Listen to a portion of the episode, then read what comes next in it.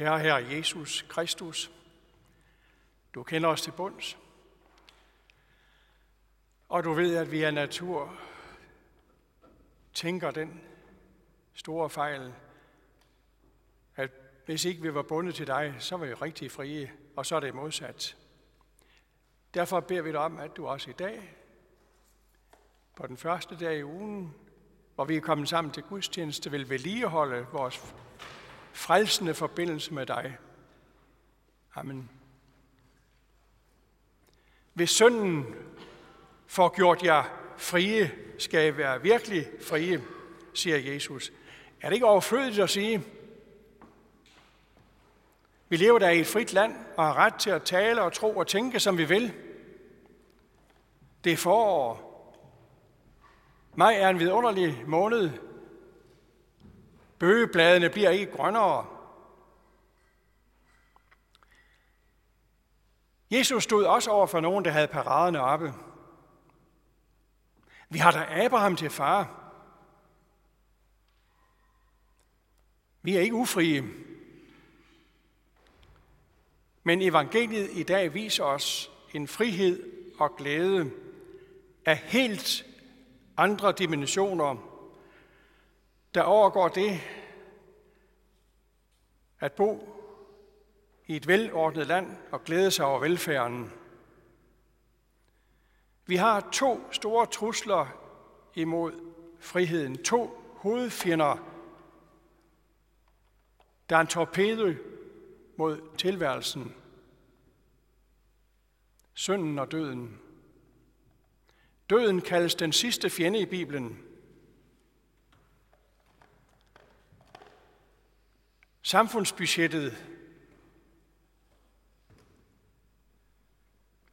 kræver milliarder af kroner til sundhedsvæsenet for at holde døden længst muligt på afstand. Kold og bleg og uoprettelig og uovervindelig for os, men ikke for Jesus. Døden den sidste fjende, så er der altså også en før den sidste. Ja, det er der. Det er den, der dybest set resulterer i døden, synden.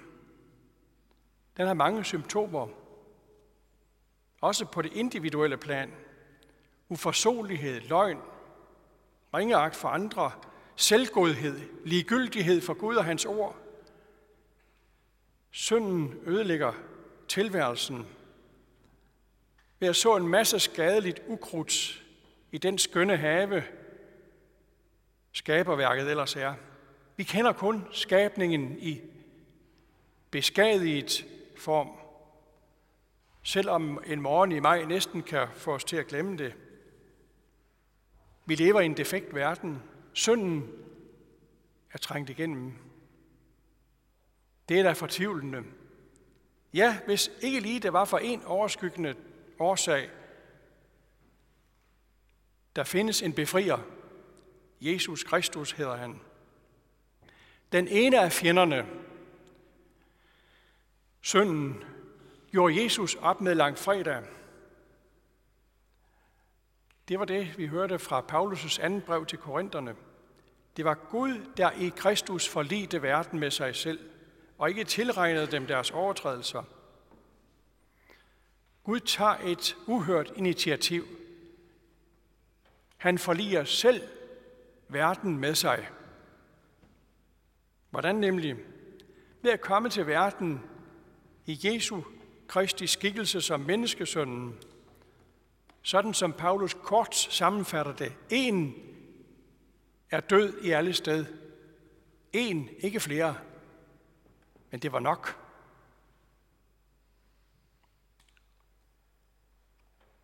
Den anden fjende overvandt Jesus påskemorgen. Graven var tom, sådan måtte det gå.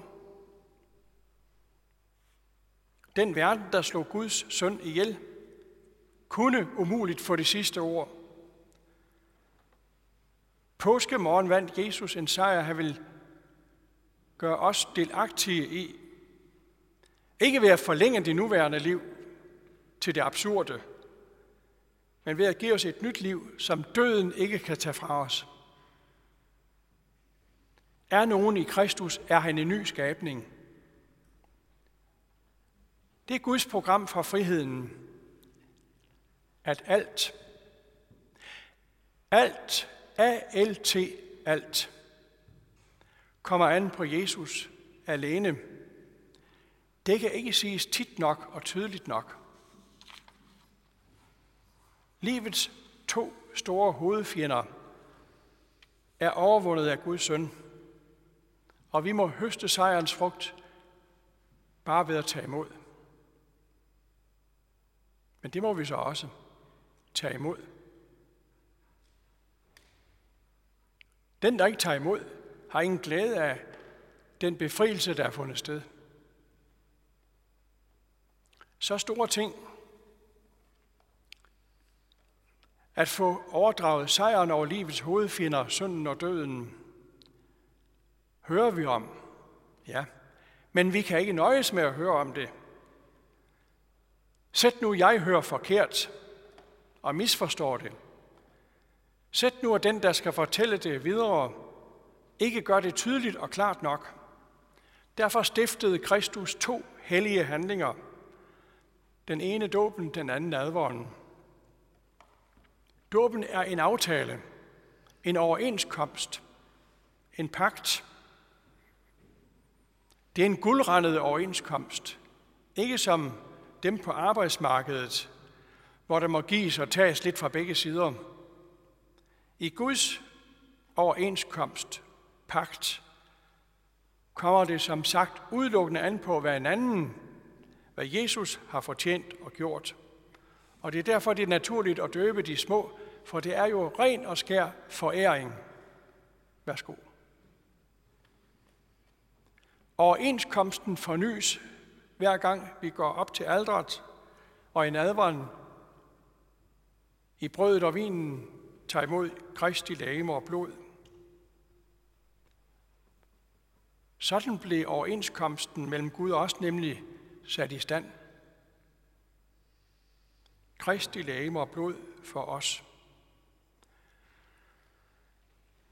Denne kalk er den nye pagt med mit blod, siger Kristus. Bortsendelsesordene siger det hele. Som ung hørte jeg en erfaren præst betone Kristi alt omfattende betydning. Jeg lagde mærke til en lille variation. Han sagde ikke, at Jesus Kristus har gjort fyldest for alle sønder, sådan små lumpenheder, små ting, jeg går og gør, men han betonede for al synd. Og siden jeg hørte det, har jeg ikke kunne ryste af mig. Jeg kan ikke lade være med at gentage det hver gang. Den korsfæstede og opstandende frelsevok, Herre Jesus Kristus, har gjort fyldest for al synd, uden undtagelse. Er nogen i Kristus, er han en ny skabning. Det er frihed. At være i Kristus.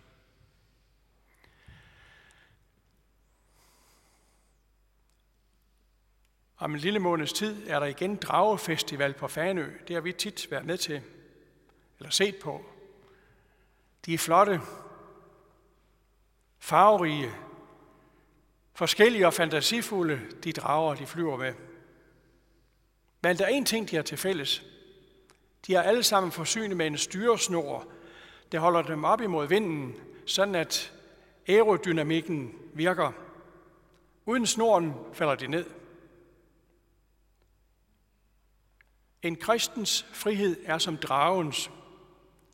En kristen er bundet til Jesus. At være bundet til Jesus hedder i Bibelens sprogbrug at være i, i Kristus. At blive i hans ord. Det er vores kald som kristne. At holde fast.